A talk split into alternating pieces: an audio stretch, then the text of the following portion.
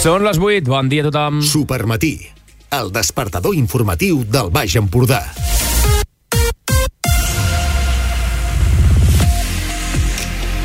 Bon dia, com esteu? Són les 8 del matí d'avui, que és dimecres 10 de maig del 2023. Un supermatí conjunt, Ràdio Palafrugell, Ràdio Capital i Ràdio Bisbal. Salutacions als oients de les tres emissores que ens esteu escoltant aquest matí. Un dia en què també mm, seguirem pendents de la inestabilitat al cel, eh? perquè eh, després d'ahir que descarreguessin força ruixats entre la tarda i nit, doncs avui de cara a la tarda-nit també incrementarem la nuvolositat i es podria repetir alguna precipitació, tot i que ja és més probable cap a la matinada i al llarg del dia també tindrem vent entre fluix i moderat de component nord. Avui us explicarem l'informe desfavorable que ha emès el Pla d'Emergència per la sequera de Sant Feliu de Guíxols, l'Agència Catalana de l'Aigua. En canvi, sí que ha aprovat el de Palafrugell.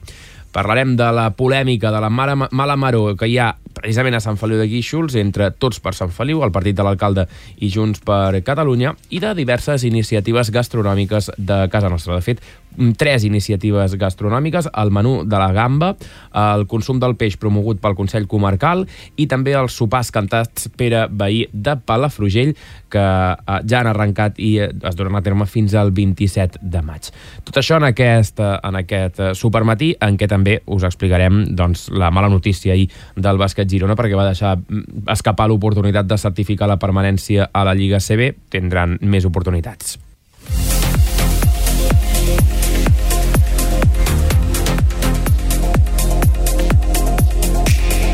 En aquest eh, supermatí parlarem amb Nuri Ramírez i Cristina Galceran, que són les responsables del programa Vacances en Família. I, evidentment, també, com cada dimecres, parlarem de tecnologia i d'oci digital amb en Martí Seguer. Abans, però, és moment de saludar els periodistes que ens acompanyen aquest matí. Maria Alzina, bon dia. Maria, bon dia. Espera't ara. Sí, bon dia, digues. bon dia, bon I dia. També tenim en Ferran Castelló, bon dia. Bon dia. En Gerard Escats, bon dia. Bon dia. I Sergi Villena, bon dia. Hola, bon dia. Doncs amb tots ells, eh, repassem els titulars.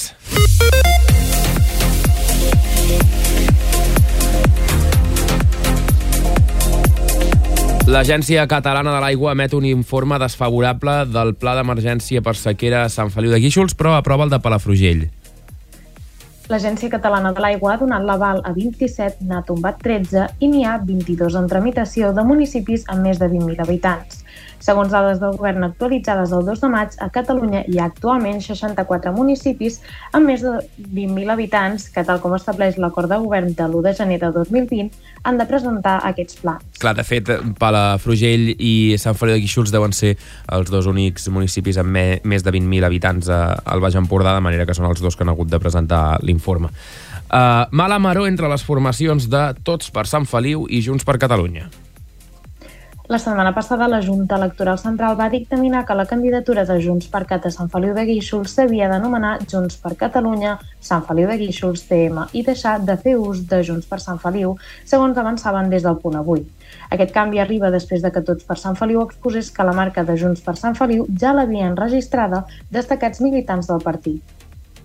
Déu nhi eh, la polèmica per, per un nom, perquè jo crec que tothom eh, és capaç de reconèixer Junts per Catalunya com a partit i també Junts per Sant Feliu com a mm, adaptació de Junts per Catalunya. Per tant, vaya polèmica. Després l'ampliarem. Més notícies, ara, com dèiem, diverses notícies gastronòmiques per fer, per fer venir gana a aquesta hora del matí. Per començar, el Consell Comarcal promou el consum del peix amb la campanya L'art de menjar peix. Aquesta acció s'emmarca dins els ajuts del GALP Costa Brava 2023, que té l'objectiu de valoritzar la pesca, l'ofici de pescador i, en definitiva, promoure el coneixement del peix i el seu consum. Al llarg de les anteriors edicions s'ha constatat una gran manca de coneixement entre els més joves sobre les espècies de consum més habitual del nostre territori, per exemple, les sardines al seitó i els sonsos. El menú de la gamba encara la seva 29a edició amb bones perspectives. Fins al 27 de maig, cinc establiments oferiran menús tancats a partir dels 40 euros i acompanyats d'un concert en directe d'un grup de cant de taverna. La campanya s'organitza des de l'IPEP. que va néixer als restaurants de Palamós, Calonja i Sant Antoni l'any 1994. Gràcies, Maria. També fèiem referència a la notícia sobre els sopars cantats Pere Veí per fusionar gastronomia i cant de taverna. I en cultura, la Biblioteca de Palafrugell programa aquesta setmana l'Hora del Conte i un taller d'intercanvi de plantes. Durant el taller d'intercanvi de plantes, els sketchers de la biblioteca dibuixaran la jornada. En tots els casos, per participar-hi cal inscriure's prèviament trucant al telèfon 972 30 48 09. I quan són les 8 i 5 minuts, avui fem un apunt de bàsquet per comentar que el bàsquet Girona va deixar escapar ahir l'oportunitat de certificar la permanència a la Lliga CB. Doncs sí, perquè després d'una primera part molt completa davant del Betis, Fontejau confiava en guanyar els sevillans i segellar la permanència. Però els jugadors entrenats per Aito García Reneses van fer un últim quart desastrós encaixant un parcial de 0 a 24 en 7 minuts i van acabar perdent per 11 punts de diferència. La posterior victòria del Granada en el seu partit contra el Saragossa fa que la continuïtat a la CB del bàsquet Girona encara no estigui assegurada.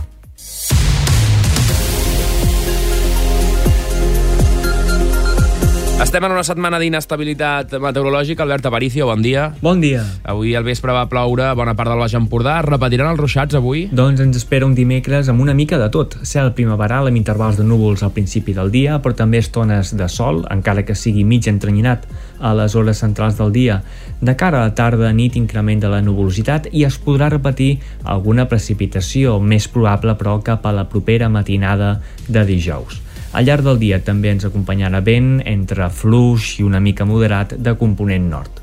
Si ahir la temperatura encara va arribar a superar localment els 26 graus a l'interior del Baix Empordà, avui aquesta baixa una mica amb valors que aniran dels 10 graus de mínima als 22-24 graus de màxima. Demà, jornada més inestable, amb cel força tapat i pluja ja a les primeres hores del dia. Dijous que els ruixats aniran creuant el territori i es podran repetir a la tarda i gairebé qualsevol franja horària. Demà fins i tot caldrà alguna jaqueteta més perquè serà recomanable amb un ambient força més fresc. Carai, com canvia el temps, eh, de, respecte als últims dies que feia molta, molta, molta calor i no plovia de cap de les maneres, doncs ara sembla que tindrem, eh, si més no, tot el que queda de setmana de força inestabilitat. Gràcies, Albert Aparicio.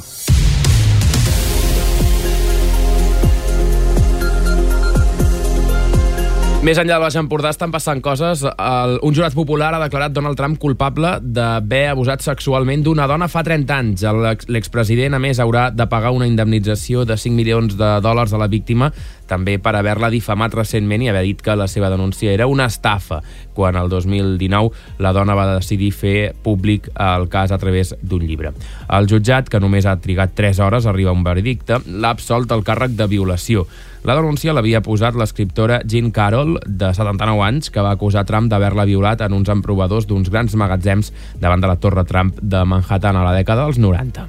Mor el periodista de France Press Armand Soldin en un bombardeig rus a Ucraïna. És el desè periodista mort des que va començar la guerra al febrer de l'any passat.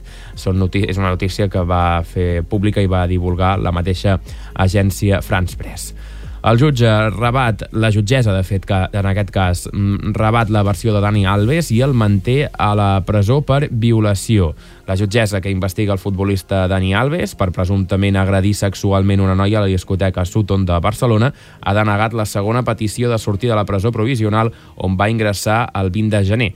En una interlocutòria que es feia pública ahir, la magistrada del jutjat d'instrucció 15 de Barcelona es mostrava molt dura contra la versió de la defensa d'Albes i li torna a rebutjar la petició de deixar-lo en llibertat provisional fins al judici, a la qual cosa suposaven també la Fiscalia i l'acusació. La jutgessa ja havia descartat una petició igual del jugador i l'Audiència de Barcelona va avalar la decisió, però Alves ho ha tornat a demanar després d'una segona declaració davant la jutgessa que va fer voluntàriament. Tret de sortida el procés per expropiar pisos buits de grans tenidors a 14 municipis, el Consell Executiu de la Generalitat ha aprovat aquest dimarts els primers 14 municipis on es faran les expropiacions. Si no atenen el requeriment en el termini d'un mes, el Departament de Territori declararà l'incompliment de la funció social de la propietat d'aquests pisos i començarà el procediment per expropiar aquests eh, habitatges que pot durar 6 mesos. Per tant, a principis del 2024 es podrien obtenir els primers pisos. I l'habitatge social, que és un tema de campanya i de precampanya a Catalunya i a tot l'Estat. De fet, hem sabut que 1.600 dels habitatges socials en sol de defensa que va prometre el govern espanyol i Pedro Sánchez es faran a Sant Boi de Llobregat. El govern espanyol va aprovar promoure un total de 20.000 habitatges socials en terrenys militars en desús, que és I, de fet, d'aquests 20.000 habitatges, la meitat es construiran a Madrid. Una catenària s'incendia a Manlleu i els passatgers surten a correcuita del tren.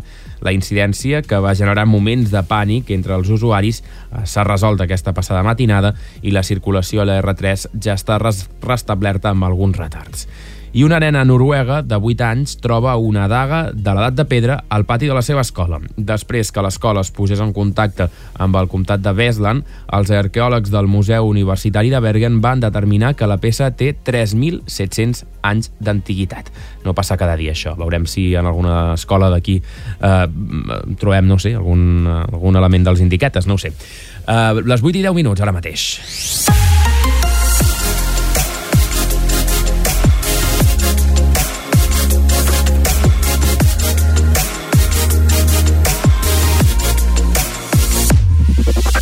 I el comentari del dia ens l'envia en Martí Sàbria. Les jornades de la Fundació Jordi Comas, el passat dijous, en l'auditori de Caprots, van aplegar una garba de primeres figures del món de la política i la cultura, debatent sobre el valor de les infraestructures, dels territoris turístics, del pes de l'oferta cultural en el prestigi de les destinacions, del valor de l'arquitectura i el paisatge en un territori i de les tendències socials i econòmiques en el món dels viatges i en les vacances els veus de Xavier Flores, secretari general d'Infraestructures de l'Estat espanyol, en Josep Vicent Boira, comissionat nacional pel corredor mediterrani, en Ricard Robles, codirector del Festival Sona, en Rafael Vallbona, escriptor i periodista, Rafael Aranda, de Rafael Arquitectes, guanyador del Premi Pritzker d'Arquitectura, equivalent al Nobel d'aquesta matèria, la Maria Cisternes, directora de l'Institut Català del Sol, l'Helena Mayoral, directora d'AENA, en Jaume Masana, director de negoci de CaixaBank per Espanya, el conseller Quim Nadal i amb presentadors com la Carme Fenoll, directora de Cultura i Comunitat de la Universitat Politècnica de Catalunya, en Josep Francesc Valls, director de la Càtedra d'Escenaris de Futur de la Universitat Pompeu Fabra, en Pep Lluís Vázquez, director del programa d'Arquitectura de Catalunya Ràdio, i en Xavier Set, director i presentador del mes 324. Un programa difícil de trebar, no només a l'Empordà, sinó a Barcelona o a Madrid. Només va tenir la capacitat de treure tres alcaldes del litoral de la Costa Brava i a una dotzena i mitja de regidors. A la resta els deu semblar de pel interès l'acabament de la Nacional 2, a l'estació de l'AVE, a l'aeroport, l'impacte de les construccions industrials en el paisatge, els projectes d'habitatge social també Incassol pels propers quatre anys, les tendències d'inflació dels preus, el fenomen del ciclisme a la ciutat de Girona o la recuperació i el robateig a l'aeroport de Rodidenya. Sembla que hi ha massa gent preocupada en poder guanyar les eleccions sense cap interès per saber en quin entorn s'haurà de bellugar. En termes futbolístics, massa gent esperant la pilota a Northside.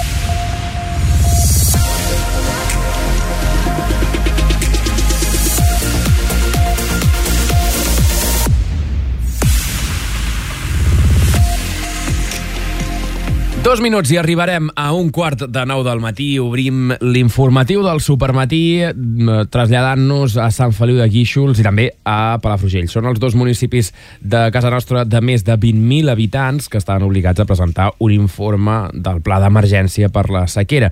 Doncs bé, l'Agència Catalana de l'Aigua ha fet un informe desfavorable a aquest, eh, a aquest estudi, a aquest pla d'emergència de Sant Feliu de Guíxols, però ha aprovat el de Palafrugell. De fet, l'Agència Catalana de l'Aigua ha donat la bala 27 municipis de més de 20.000 habitants del país, ha tombat 13 d'aquests informes, 13 d'aquests plans d'emergència, i hi ha 22 que estan en tramitació als municipis amb més de 20.000 habitants. Maria. Segons dades del govern actualitzades el 2 de maig a Catalunya, hi ha 64 municipis amb més de 20.000 habitants que, tal com estableix l'acord de govern de l'1 de gener de 2020, han de presentar aquests plans. L'agència ha emès un informe desfavorable en 13 casos, en els municipis com Badalona, Cambrils, Castellà del Vallès, Esplugues de Llobregat, Gavà o Olesa de Montserrat. En canvi, hi ha 27 municipis que ja tenen l'aval de l'Agència Catalana de l'Aigua, com seria el Barberà del Vallès, Barcelona, Blanes, Castelldefels, Palafrugell, Manlleu, Masnou, Mataró, entre molts d'altres. I n'hi ha 22 que els seus plans d'emergència estan en tràmit, com serien Cornellà, Banyoles, Calafell, Esparreguera, Sant Andreu de la Barca, el Vendrell, Vilanova i la Geltrú o Vilaseca. Cal destacar que Figueres i Cerdanyola del Vallès encara no han presentat el pla d'emergència obligat per fer front a la sequera. El cas de Lleida, però, és diferent perquè és un municipi de més de 20.000 habitants, però no està obligat a presentar el pla perquè pertany a la conca hidrogràfica de l'Ebre, on la Generalitat no té competència.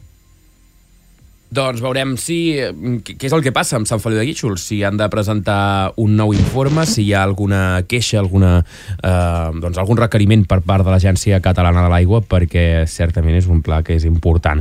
En el cas de Palafrugell, eh, doncs l'Agència Catalana de l'Aigua sí que l'ha aprovat i sí que hi ha donat el vistiplau al pla d'emergència de què fem com a municipis quan hi ha una situació com la que estem vivint ara mateix de sequera.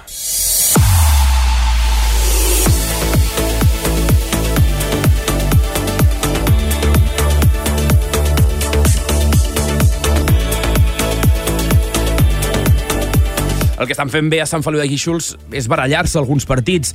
Uh, hi ha mala maró en aquests moments entre Tots per Sant Feliu i Junts per Catalunya. La setmana passada la Junta Electoral Central va dictaminar que la candidatura de Junts per Catalunya a Sant Feliu s'havia d'anomenar Junts per Catalunya Sant Feliu de Guíxols, CM compromís municipal, potser. I havia de deixar fer ús del nom de Junts per Sant Feliu. Això ho avançava al punt avui. Aquest canvi arriba després que Tots per Sant Feliu exposés que la marca Junts per Sant Feliu ja l'havien registrada destacats militants del partit. Aquesta decisió de la Junta Electoral ha obligat a adaptar els logotips a les xarxes socials per part de Junts per Catalunya. Aquest diumenge, però, Junts per Catalunya va muntar paradeta preelectoral a la Rambla i l'alcalde Carles Motes els va advertir que retiressin aquest butlletí preelectoral crític i amb les sigles que els havien fet retirat des de la Junt.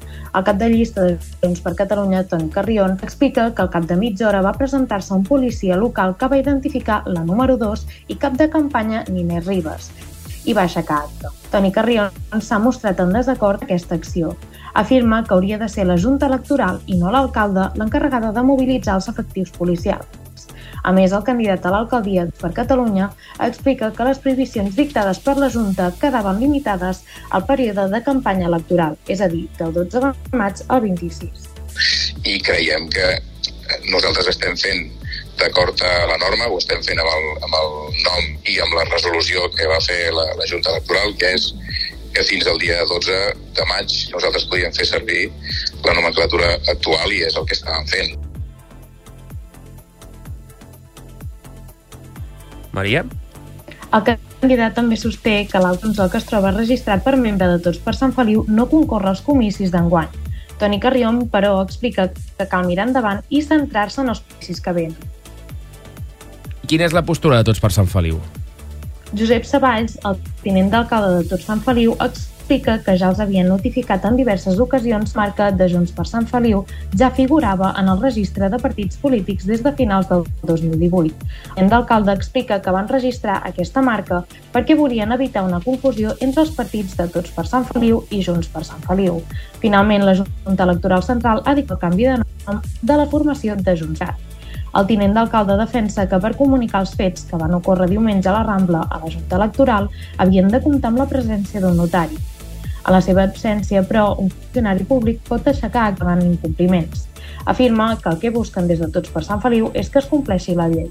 I el que busquem és eh, tenir un funcionari que, que digui que això és així, no? perquè la nostra paraula davant la Junta no és suficient, perquè en tantes coses som part implicada i part interessada, sí. i el que busquem doncs, és que un funcionari o un notari ho pugui fer. Com que és diumenge, no podem localitzar el notari i el que fem doncs, és buscar un funcionari, que en aquest cas és un, un agent de la, de la policia local, que sí que pot fer que, que aixequi acte, Josep Savalls remarca que Junts Catalunya hauria d'haver retirat el nom per Sant Feliu de la propaganda impresa, tal com havien fet des de xarxes socials. Jo tinc interès eh, de veure si de cara a la, no sé, a la, a la propera, a les properes eleccions, si aquesta picabaralla i el fet que hagi d'anar l'alcalde a fer mm, retirar alguns símbols d'alguns partits, d'algunes sigles d'alguns partits, si això suma o resta, m'interessarà saber si la gent de Sant Feliu valora això o si més nou, doncs potser ho consideren una pica baralla política més enllà de les, eh, de les divergències que pugui haver o, o de les polítiques que es presentin durant la campanya. Serà interessant de veure i d'analitzar els resultats de Sant Feliu de Guíxols. Les 9, les 8 i 20 minuts.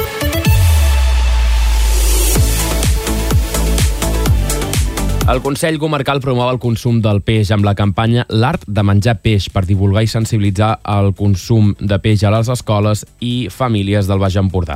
Això han marcat dins dels ajuts Galp Costa Brava 2023, que tenen l'objectiu de valoritzar la pesca, l'ofici de pescador i, en definitiva, promoure el coneixement del peix i el seu consum. En la primera edició el projecte se centrava en l'àmbit escolar i en la segona se centrava tant en els infants com en les famílies. Al llarg d'aquestes edicions s'ha constatat una gran manca de coneixements entre els més joves sobre les espècies de consum més habituals del nostre territori.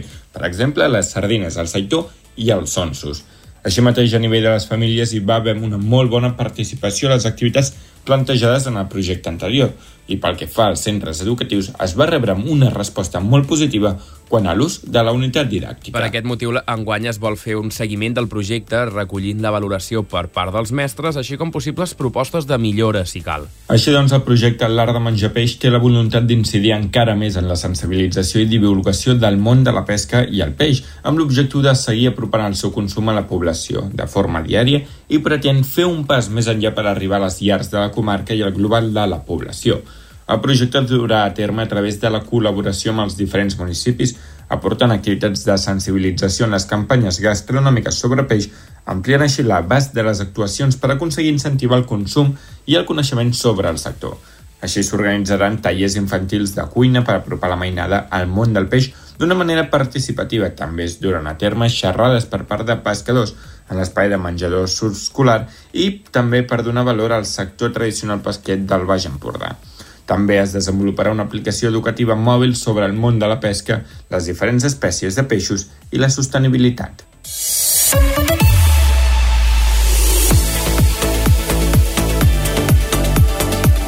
El menú de la gamba encara la seva 29a edició amb bones perspectives. Ho afirma el president de l'Associació de Restaurants de l'Abadia, el Plat Blau, Agustín Soto. Aquest eh, cap de setmana es va presentar la 29a edició del menú de la gamba, una proposta gastronòmica que va néixer als restaurants de Palamós, Calonja i Sant Antoni l'any 1994. Agustín Soto reconeix que la pesca de la gamba d'enguany es presenta amb molt bones perspectives, ja que la qualitat i la quantitat de gambes estan sent excepcionals. Agustín Soto reconeix que segueixen fent el mateix menú des que van començar l'any 1994. A veure, nosaltres el menú és el menú clàssic, és a dir, nosaltres no l'hem canviat des del 1994, que fem el que són les torrades de manxoves, els 200 grams de gamba mitjana de palamós, tot això ho acompanyem amb uns cereals arrossejats, uh -huh. amb un vi inspirador, que és del grup Paralada, cafè, postres, i tot això pel preu de 48 euros. El president de l'associació explica que el producte que destaca més del menú al final són les gambes de Palamós, conegudes arreu del món. Agustín Soto explica també que el rossejat de fideus es fa amb la recepta de fumet que feien servir els pescadors amb el peix que no podien vendre. Aquests són alguns dels aspectes més representatius d'aquest menú de la gamba. El i a la fi és una campanya que serveix per fomentar la desestacionalització del turisme.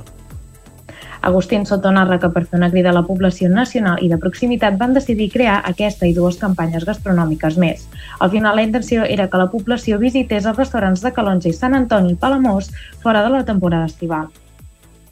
Molt bé, doncs gràcies, uh, Maria. Ah, no, espera, que tenim un tall de veu de, del senyor Agustín, espera't. Bueno, al final, eh, com aquesta paraula que tots volem dir que se'ns se, se, se una mica, que és desestacionalitzar, Uh, al final les campanyes abans eren uh, més llargues, més enfocades amb l'estranger, però el producte d'aquí, la gent d'aquí, ens costava sortir. Llavors vam crear aquestes campanyes, que en fem tres, que era per mirar de que la gent vingués aquí fora de temporada. I uh -huh. la veritat és que va tindre tant d'èxit, com és un producte com la gamba, que es ven sola, i, i la veritat és que uh, va ser molt bo perquè solíem agafar gent fora de lo que era uh, la temporada estival, que són el mes de juliol i el mes d'agost.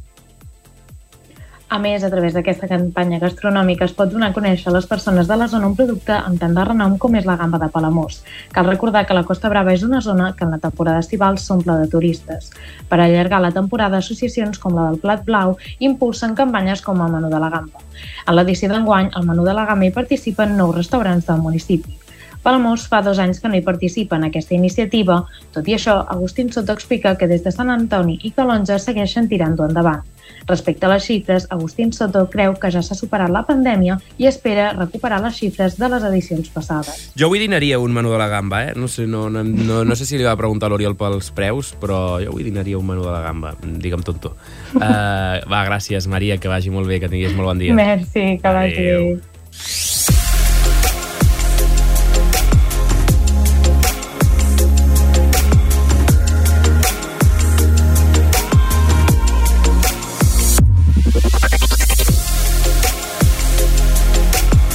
Tenim més notícies per explicar en aquest eh, supermatí, però abans eh, passarem a l'entrevista amb en Ferran Castelló.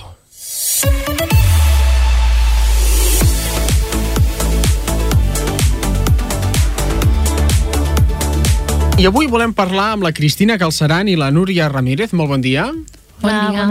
Perquè volem conèixer una mica més sobre el projecte eh, Vacances en Pau, que eh, n'hem anat parlant en altres anys aquí a la ràdio, però sempre va bé de eh, recordar en què consisteix.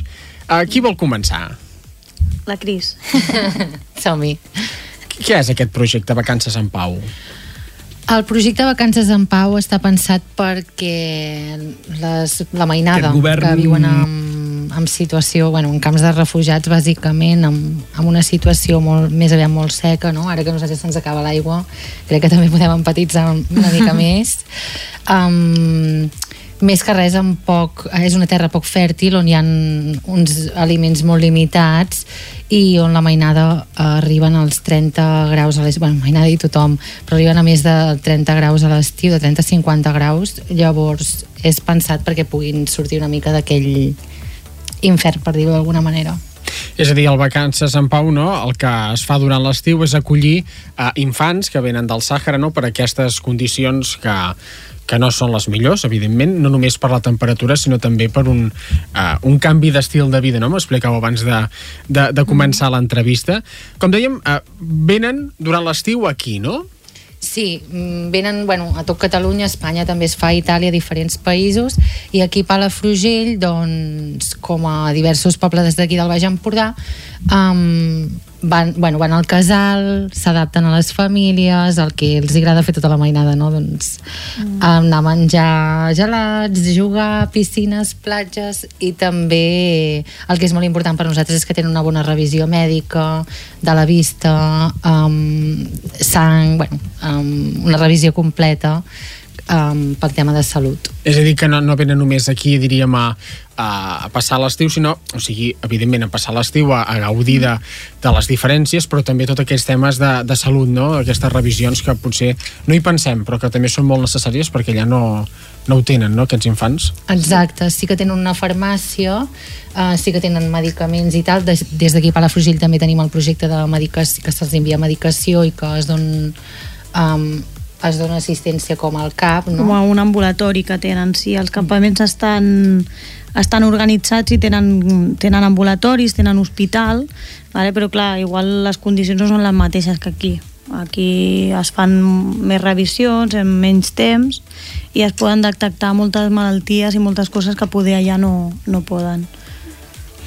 Estem parlant d'aquesta no, de- acollida d'infants del Sàhara, però és clar, si estem parlant d'acollida vol dir que fa falta que hi hagi famílies, no?, que, que, que els acullin. No sé si és un procés fàcil, si és complicat, si n'hi ha moltes, si en, fan, en falten... Um, acostumen a faltar cada any, o sigui, hi ha, hi ha menys, aquí s'ha fet el projecte fa molts i molts anys, aquí a Palafrugell havien arribat a ser 20 nens i nenes a l'estiu, ara l'any passat només a Palafrugell van ser dos, aquest any serem tres, uh, hem pujat una, una família acollidora, Uh, però sí, acostumen a faltar. Nosaltres sempre anem uh, bueno, venint a aquests llocs i fent una mica de publicitat i així per, per donar-los aquesta oportunitat. Fa unes setmanes es va fer una reunió informativa eh, per explicar eh, en què consisteix i perquè tothom pugui, no, per la, per la gent que estigui Mm. interessats, eh, puguin saber-ho. Això va fer una, va, ja es va fer fa unes setmanes, però Mm. si algú ens està escoltant ara i vol acollir aquest estiu, i són a temps encara? Sí, i són a temps d'acollir uh, durant tot el mes de maig i juny, encara agafarem famílies. Uh, també el, aprofito, ja sé que estem a Palafrugell, però aprofito perquè el, dia, el dijous, dia 11, a Torroella fem una altra xerrada vale? que poden, bueno, poden mirar les xarxes de, de CAPS, a l'Instagram a CAPS Girona, i veuran la, la informació i totes les famílies que vulguin acollir, que estiguin interessades, poden uh, o bé trucar-nos per telèfon o enviar-nos un e-mail i, i demanar-ho. Són acollides de, de mainada entre no, 8, 9, 10, vale? arriben en aquest any i acaben el projecte tenint 12. Es pot anar repetint cada, cada any mentre es puguin venir o, o pot només acollir un any si les circumstàncies no, no et permeten acollir més. Ah, els infants van, van repetint? Sí, repeteixen eh, durant 5 anys, des dels 8 fins als 12. Ara, amb el tema del Covid, el, el projecte va quedar parat, com tota la vida, quasi, um, i ara uh, s'ha reprès. L'any passat van venir tota la mainada, teníem 8 anys. Aquest any vindran els repetidors, que ja van venir l'any passat, que tindran 9, i si aconseguim més famílies podran venir més, més nens i nenes de 8 per... i poden venir fins als 12 per tant, pot ser que hi hagi uh, un nen o una nena que repeteixi també amb la mateixa família. Sí, i tant. Normalment l'ideal és que sigui així. Vale? Aquí al Baix Empordà quasi totes les famílies repeteixen aquest any. Menys alguna que per temes personals i així no ha pogut. Estem parlant de, de l'estiu, abans em comentàveu que, que, era, que és una època complicada en la zona que estem perquè mm. eh, hi han moltes persones que a l'estiu és quan hi ha més feina i per tant, no sé, és a dir, com, com ho fan les famílies de vegades per, per poder compaginar-ho? Sí, mira, per exemple, nosaltres quan vam començar a acollir, que vam acollir durant tres estius, sí. um, jo era amiga de la Nuri i li vaig demanar el meu suport um, perquè pensava, ostres, mira, potser els matins van al casal migdies jo sóc a dinar a casa, cap problema, fins a les 4 de la tarda m'ho puc muntar bé per acollir, però a partir de les 4 de la tarda fins a les 8 que jo plegava, com ho faré? Li vaig demanar ajuda a la Nuri i vaig demanar ajuda a tot el meu entorn, familiar, amistats, a l'hora de decidir si acollia o no acollia. Com que vaig tenir una resposta molt positiva i molta gent que em va donar un cop de mà, um, doncs ens ho van poder manegar la mar de bé i van poder fer-ho. Mm. Um... Van fer una custòdia compartida. sí, exacte. I jo crec que és això, les persones que tenen joves a casa, que diuen, mira, doncs jo a tal hora, bueno, els puc emportar a la platja amb els meus amics, o molts, molta mainada que van a plaça a jugar a l'estiu, també a la tarda, mentre algun botiguer estava a la botiga, doncs a la tarda la mainada estaven per plaça. Mm, bueno, ja trobes, ja pots trobar la manera de, de, de poder acollir. També des, del, des de l'associació també es paga el casal, el casal d'estiu. Els dos, aquí a Palafrugell es paga els dos mesos en, en l'horari de 9 a 1, vale? en, altres, en altres municipis de Girona es paga només un mes perquè eh, és diferent la casuística aquí com que, bueno, ja ho has dit tu és molt turístic i així es treballa també tot l'estiu jo us volia preguntar un tema, no? perquè, eh, és clar, és a dir, són, són infants petits eh, i, per tant, és, és, és no només un canvi d'estil de, de vida, sinó que també és deixar enrere el seu entorn. Clar, això com... Suposo que necessiten un temps, no?, d'adaptació. Sí, com, com som mainada també s'enyoren, la família, hem d'anar trucant a la família. Ara fa, fa anys era més complicat, ara és fàcil perquè ja també tenen tenen WhatsApp, tenen connexió, vale? no, tenen com aquí fa uns anys que teníem anàvem posant 5 euros fins que s'acabava i així, no tenen com ara, no? no tenen il·limitat, però bueno, hem d'anar posant-nos en contacte amb els pares, hi haurà moments en què s'enyoraran, vale? és lo normal. Passa que les famílies allà eh, venen, o sigui, envien els seus fills i filles contents de que aquí doncs, podran tenir un millor estiu per ells, més, més entretingut, per les temperatures, això que ha comentat la Cris, el tema sanitari. Um... És a dir, que suposo que és com el, una mica el contrast aquest de, de, de, de, de, de que els fills i les filles no marxen mm. i que, els, eh, que estàs durant dos mesos que no, no els tens, però que estaran més còmodes, no? És una mica un... Sí, ells, els pares com a pares ja estan contents de que vinguin, encara que els hi costi, no? I la mainada, doncs, el primer any els hi costa més i poder l'últim uh, ja estan superadaptats, no? I el que sí que tenen superclar és que volen tornar i tenen allà tota la família i tot, tot l'entorn, la seva manera de viure, que és diferent, són, són molt, molt més tribals en, en les relacions, amb la comunitat, per tant estan molt més al carrer, juguen més fora, uh, bueno, tenen un altre estil de vida i, i a la mainada pues, també els agrada tornar, òbviament, amb la seva família. I hi ha alguns pares que també havien vingut ja. Clar. O sigui, en el seu moment, no? Sí, Que- llavors ja tenen l'experiència d'haver vingut i, clar, tenen el record, tenen molt, habitualment tenen molt bon record d'aquí i volen que la seva mainada vinguin a l'estiu. Sí. Dèiem que qui vulgui, no, que qui ens estigui escoltant i vulgui ser una família d'acollida pot eh, trucar al telèfon que és el 696 32 22 60 o enviar un correu electrònic a caps.bajaempordà arroba gmail.com I també ens deies que el- l'11 em sembla que és que es fa una xerrada Sí. informativa a Torroella. A Torroella, exacte, sí. Abans d'acabar, no sé si voleu destacar alguna cosa més. Um, jo volia dir que les persones que s'estiguin pensant que millor la mainada a l'hora de venir aquí tindran uns privilegis o unes coses mm, molt, sí. molt xules que després a l'hora quan tornin en allà és que hi ha gent que es tira enrere perquè diu, ostres, jo quan vingui aquí li estic donant unes coses que llavors quan torni allà no els tindrà que al final la mainada a l'hora de marxar estan tatxant el calendari els dies que queden per marxar perquè troben a faltar la seva família Mhm. i al final que el més important per ells i a no ser que tinguin una necessitat mèdica molt clara per quedar-se aquí o quan ja són més grans que volen venir a la universitat habitualment desitgen tornar a casa perquè al final el seu tot és la seva família i la seva terra llavors és, és curiós de que els dies abans bueno, estàs fent una maleta amb coses per emportar-se allà els hi fa molta il·lusió tornar amb menjar i amb coses d'aquí i estan tatxant el calendari per poder tornar i, i fer-los aquesta entrega d'aquestes cosetes i, molt, i, i amb molta necessitat de tornar a veure la seva família. Llavors és que animo a tothom que tingui el dubte d'això de, de, Sí.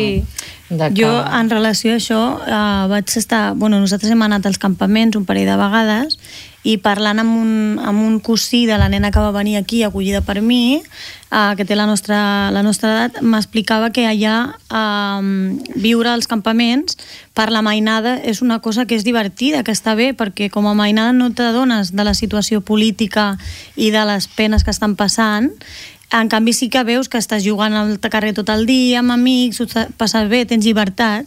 Per tant, ja, ja, val, ja valoren venir a conèixer una altra cosa però volen tornar. I és quan ets adult, no? com deia aquest, aquest noi, quan t'adones realment de, de lo difícil que és viure allà i de les oportunitats que s'han perdut arrel de, de lo malament que s'ha fet des de- des d'Espanya de, i d'aquesta bueno, aquesta gestió, aquesta invasió de, del Marroc que tenen ara al, al país. Tema idioma, eh, com, com es fa? L'aprenen molt ràpid. bueno, cadascú al seu ritme, no? Sí que és veritat que nosaltres tenim com un diccionari express per, per poder dir les quatre coses bàsiques, però al principi jo crec que comences Sí. amb signes, com Sí. tot. Poder venen amb alguna paraula que ja la família ja els hi ha dit això es diu així, això es diu així, però jo trobo que són esponges i que eh, és brutal eh, bueno, també el ritme de cada Sí, mainada, no? sí. però que generalment Sí, és jo- bastant brutal la via que em fan. Jo el diccionari ni, ni el vaig obrir quan va venir la meva, perquè amb gestos i així ho vam pillar molt ràpid, molt ràpid, sí, és al·lucinant.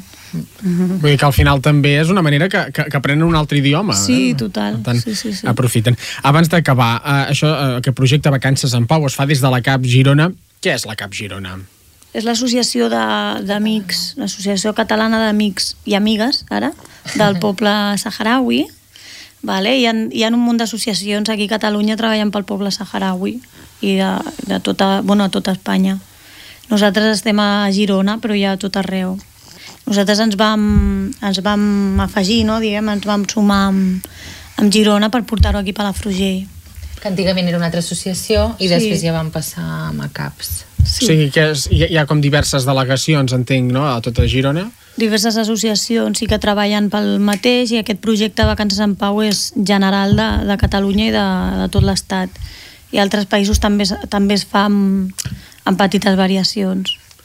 Per tant, a més a més, també em deia que, no, que si alguns uh, uh, uh, no, pares i mares ja, ja porten els seus fills aquí, no, bueno, o volen que vinguin cap aquí perquè ja hi havien fet, ho havien fet Sí. en el seu moment, per tant, és un projecte amb molt de recorregut, no, ja? Sí, sí, fa molts anys. I de fet hi ha, hi ha gent que, que tu pots, si ja saps que hi ha una... És que tenim... Te, te, no, perquè clar, també tenim una persona convidada molt especial, eh? eh que també... És que ah, això, exacte. clar... També bueno, està bé per de... les acollides que hi hagi mainada també a la també. ràdio. Exacte. bueno, no, que estava dient que, que tu si coneixes algú, per exemple, hi ha aquí una, hi ha una noia que va acollir l'any passat, que és jove i ella havia conegut a un, a un nen dels que venien en vacances en Pau i que es va quedar després a viure i amb la família d'acollida i a estudiar i així. I ella, quan va començar el projecte, va reclamar a una neboda d'aquest noi i ha vingut la neboda. Llavors fas un vincle molt fort amb la, amb la família, no? Eh, pots, bueno, nosaltres encara estem en contacte amb, amb els que vam acollir i si hi haguessin cosins més petits o fills en el futur, pues segurament també els voldríem acollir. Doncs hem parlat amb la Cristina Calcerani i també amb la Núria Ramírez sobre aquest projecte Vacances en Pau. Recordem que si algú vol, vol participar-hi eh, pot trucar al 696 32 22 60 o enviar un correu electrònic a caps.baixempordà arroba gmail.com. Moltes gràcies. Gràcies a vosaltres. A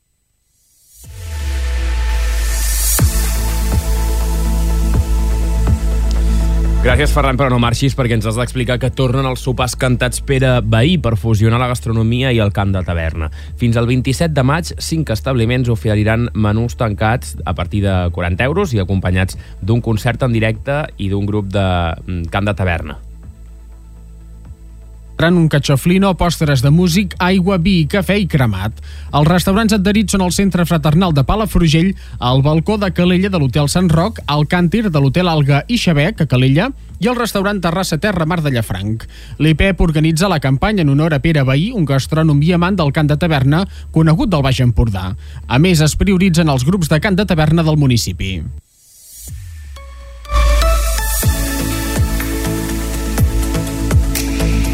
I la Biblioteca de Palafrugell programa una hora del conte infantil i la primera edició d'un taller d'intercanvi de plantes al pati de la biblioteca. El dimecres, a dos quarts de sis de la tarda, es programa l'hora del conte per infants a partir dels 3 anys. L'activitat Contes que acaronen emocions anirà a càrrec d'Alma i la Mar de Contes per ajudar a transformar les dificultats de l'aprenentatge. En parla Joan Soler, director de la biblioteca. Ens ve la companyia Alma i la Mar de Contes, especialistes a explicar contes a famílies, faran la, els contes que caronen emocions.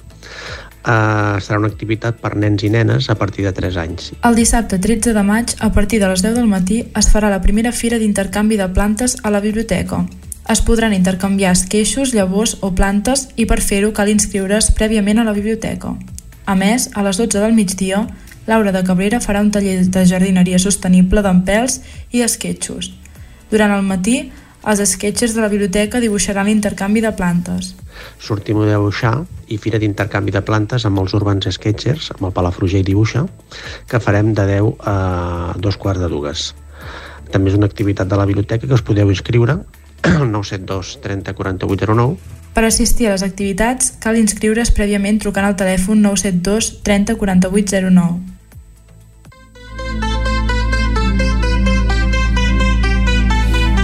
I de seguida ja tenim preparat en Martí Seguer, que ens parlarà de tecnologia i d'oci digital amb la seva secció de cada dimecres, però abans una mica de música. Ara ens ha donat, eh, en David Guetta li està donant per mm, reversionar cançons, aquesta per exemple és de 1993, és, eh, es deia What is Love, uh, What is Love, ara es diu Baby Don't Hurt Me, amb Anne Marie i Coilerey.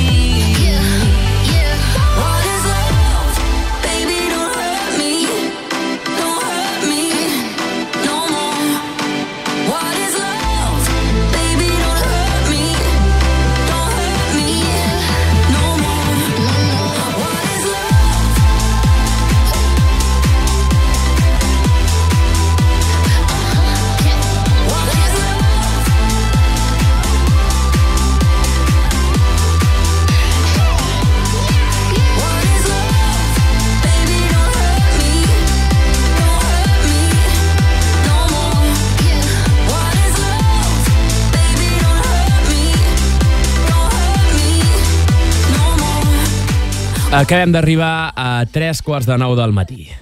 Tecnologia i oci digital amb en Martí Seguer.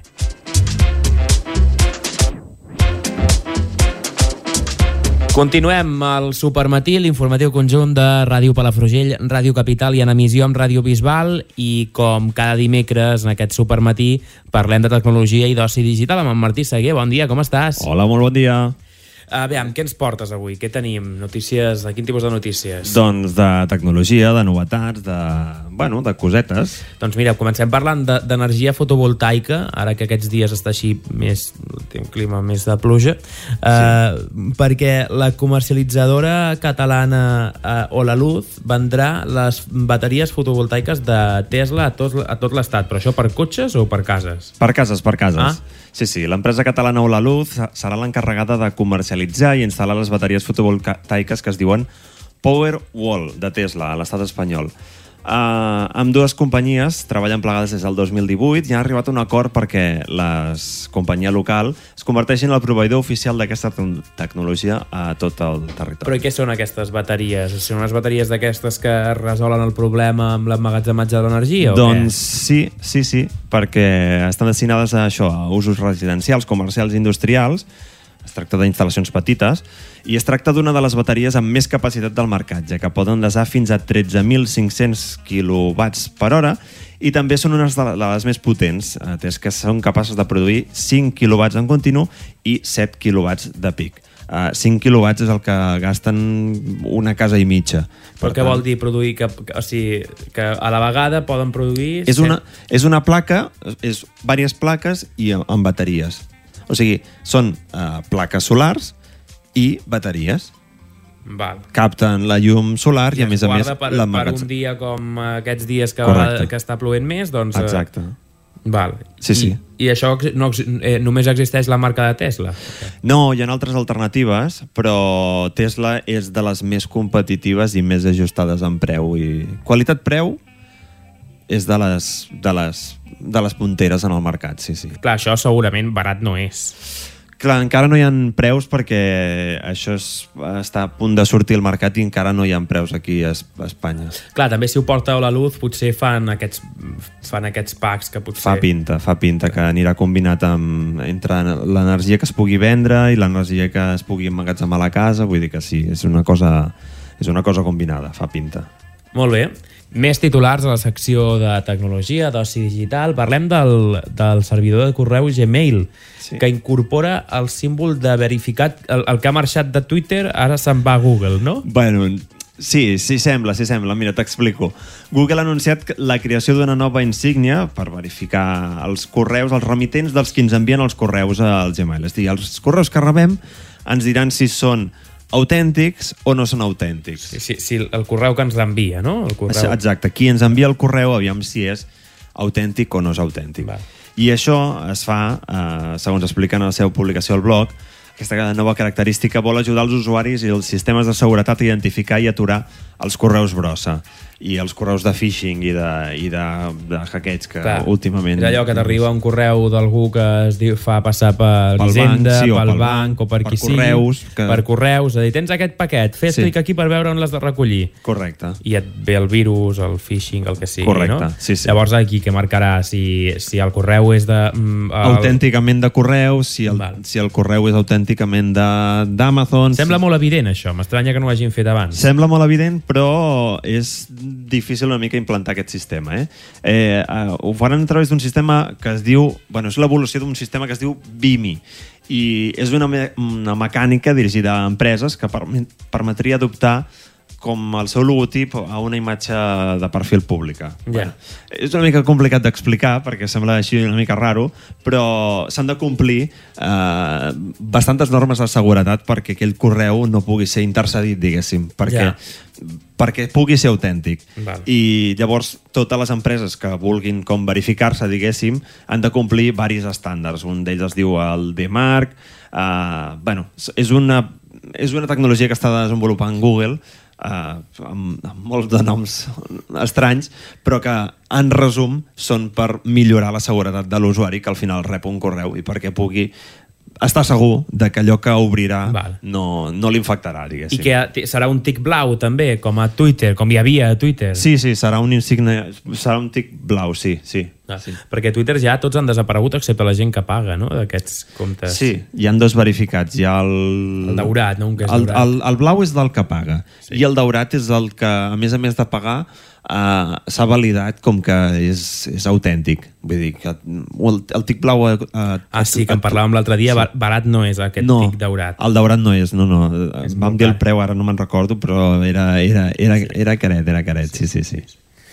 Uh, una notícia que ens ha creat l'atenció aquests últims dies, també Sí. sí. parlant de tecnologia, que és unes mostres de sang que han viatjat a un hospital català, català a través de dron. Aviam com va Doncs això. sí.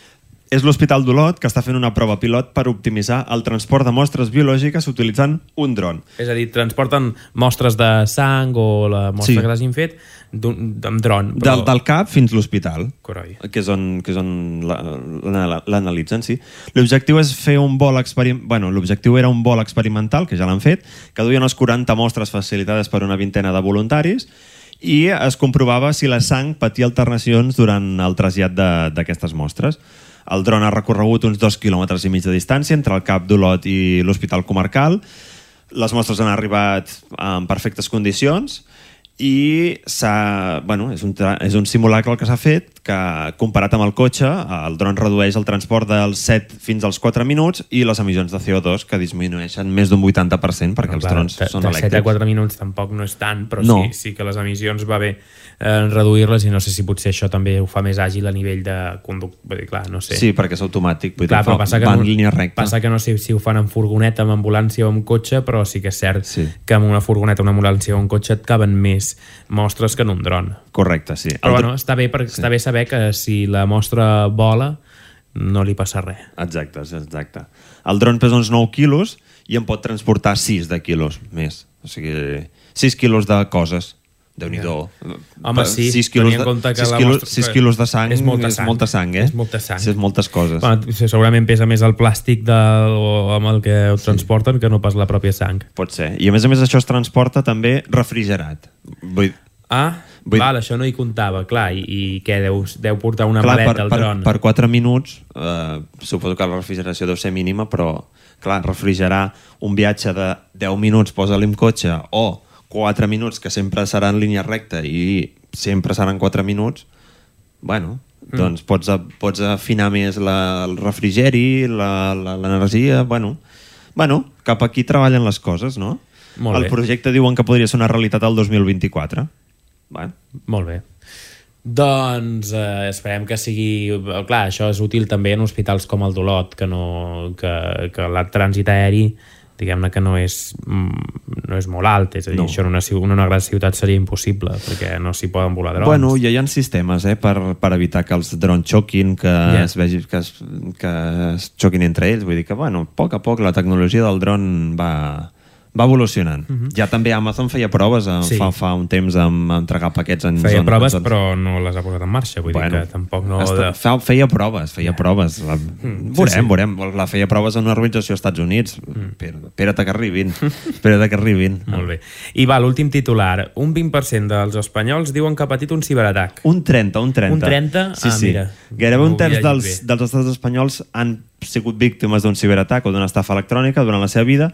Així ho recull un informe publicat per Kaspersky. El cas més habitual a l'estat espanyol és comprar productes en webs fraudulentes, que, de les quals no rebem mai cap producte, m'ha passat, però també és habitual descarregar-se virus sense voler que, que, que s'espatlli l'ordinador, és dir, descarregar virus, Mhm. clicant un correu o en alguna pàgina web que et diu que descarreguis no sé què, i et menges un virus o, Mhm. o un troiano o, o, o un agregador d'aquests de publicitat que no paren d'obrir-te pàgines sense parar del navegador, per exemple.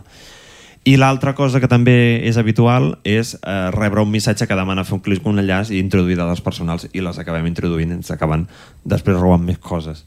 Bueno, doncs eh, aquesta és la cosa. Aquest es... Poc, poc em sembla un 30%, eh? Bueno, déu nhi un 30% de la població de 40 milions, sí. déu eh? Sí, bueno, clar, tenint en compte la gent que no fa servir internet i tot plegat, però pff, és que és tan fàcil que jo crec que hi acabem caient tots d'una manera o en una altra. Sí, sí, sí. Segons l'estudi clar, l'empresa, òbviament una empresa de seguretat com Kaspersky... Ah, bueno, clar, què t'ha de dir? però És que ha de dir que... que, que I després, clar, de, després de la nota pre- de premsa segur que deien al final i si Subscri- subscripa- i, subscripte. I, si, I si no vols que et passi, fes clic aquí. Fes clic aquí, publicitat. Sí. No? Doncs la principal raó d'aquest problema és la manca de solucions de ciberseguretat. Bueno, no, Ah, bueno, no, no, clar. no, els, hi- no els hi falta raó, eh, però amb això... Uh, en, aquesta, en aquest estudi que han fet assenyalen que el 82,5% dels catalans es protegeixen els seus dispositius. Mira, bueno. Mhm. Uh, o sigui, malgrat el 82% protegir-se, el 30% Ja, ja. enganxa, Ja, ja, enganxa ja, ja. coses igualment, eh? La xifra varia molt en funció de l'electrodomèstic, els ordinadors són els Bueno, que clar, tenim... al microones no, no cal posar-hi un... No, el Kaspersky. eh, no, però eh, el que més protegim són, són els ordinadors, que és on hi tenim potser més, més dades. Clar, però i la tele, per exemple? Bueno, eh, hi ha alguna solució, però la tele, si ens descarreguem coses de llocs oficials, la probabilística de que se'ns infecti és Ja. baixeta. Al mòbil no conec ningú que porti un protector. Doncs, eh, clar, no. Un 40% només ho porta. Només un 40%. És déu Bueno, clar, després també hi ha tota aquesta cosa que diuen que els iPhones I són les, tan segurs... I no les sé, tauletes però- un 18%. Molt I, bé. I, bueno, aquí està la cosa. Doncs protegiu, protegiu-vos uh, per internet sempre en protecció. Sempre. Martí Seguer, gràcies. A tu. Adéu, que vagi bé. Adéu, bon dia. you.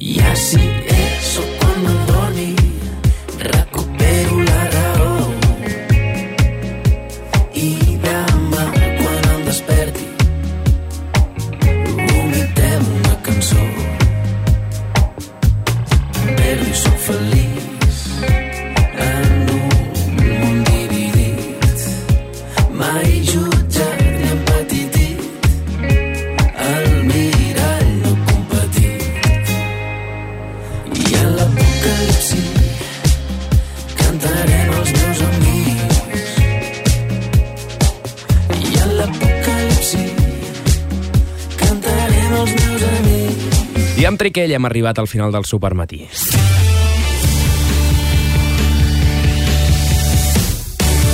Acabarem fent un últim repàs a la previsió del temps amb l'Albert Aparicio. Dimecres comença amb alguns intervals de núvols, però també tindrem estones de sol.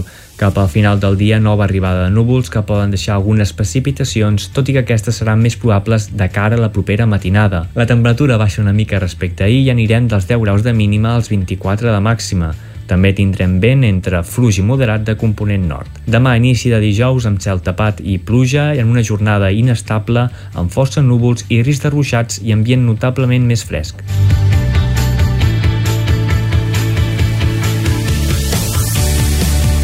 Gràcies, Albert, que vagi molt bé. El Supermatí torna demà a les 8 del matí. Que tingueu molt bon dia.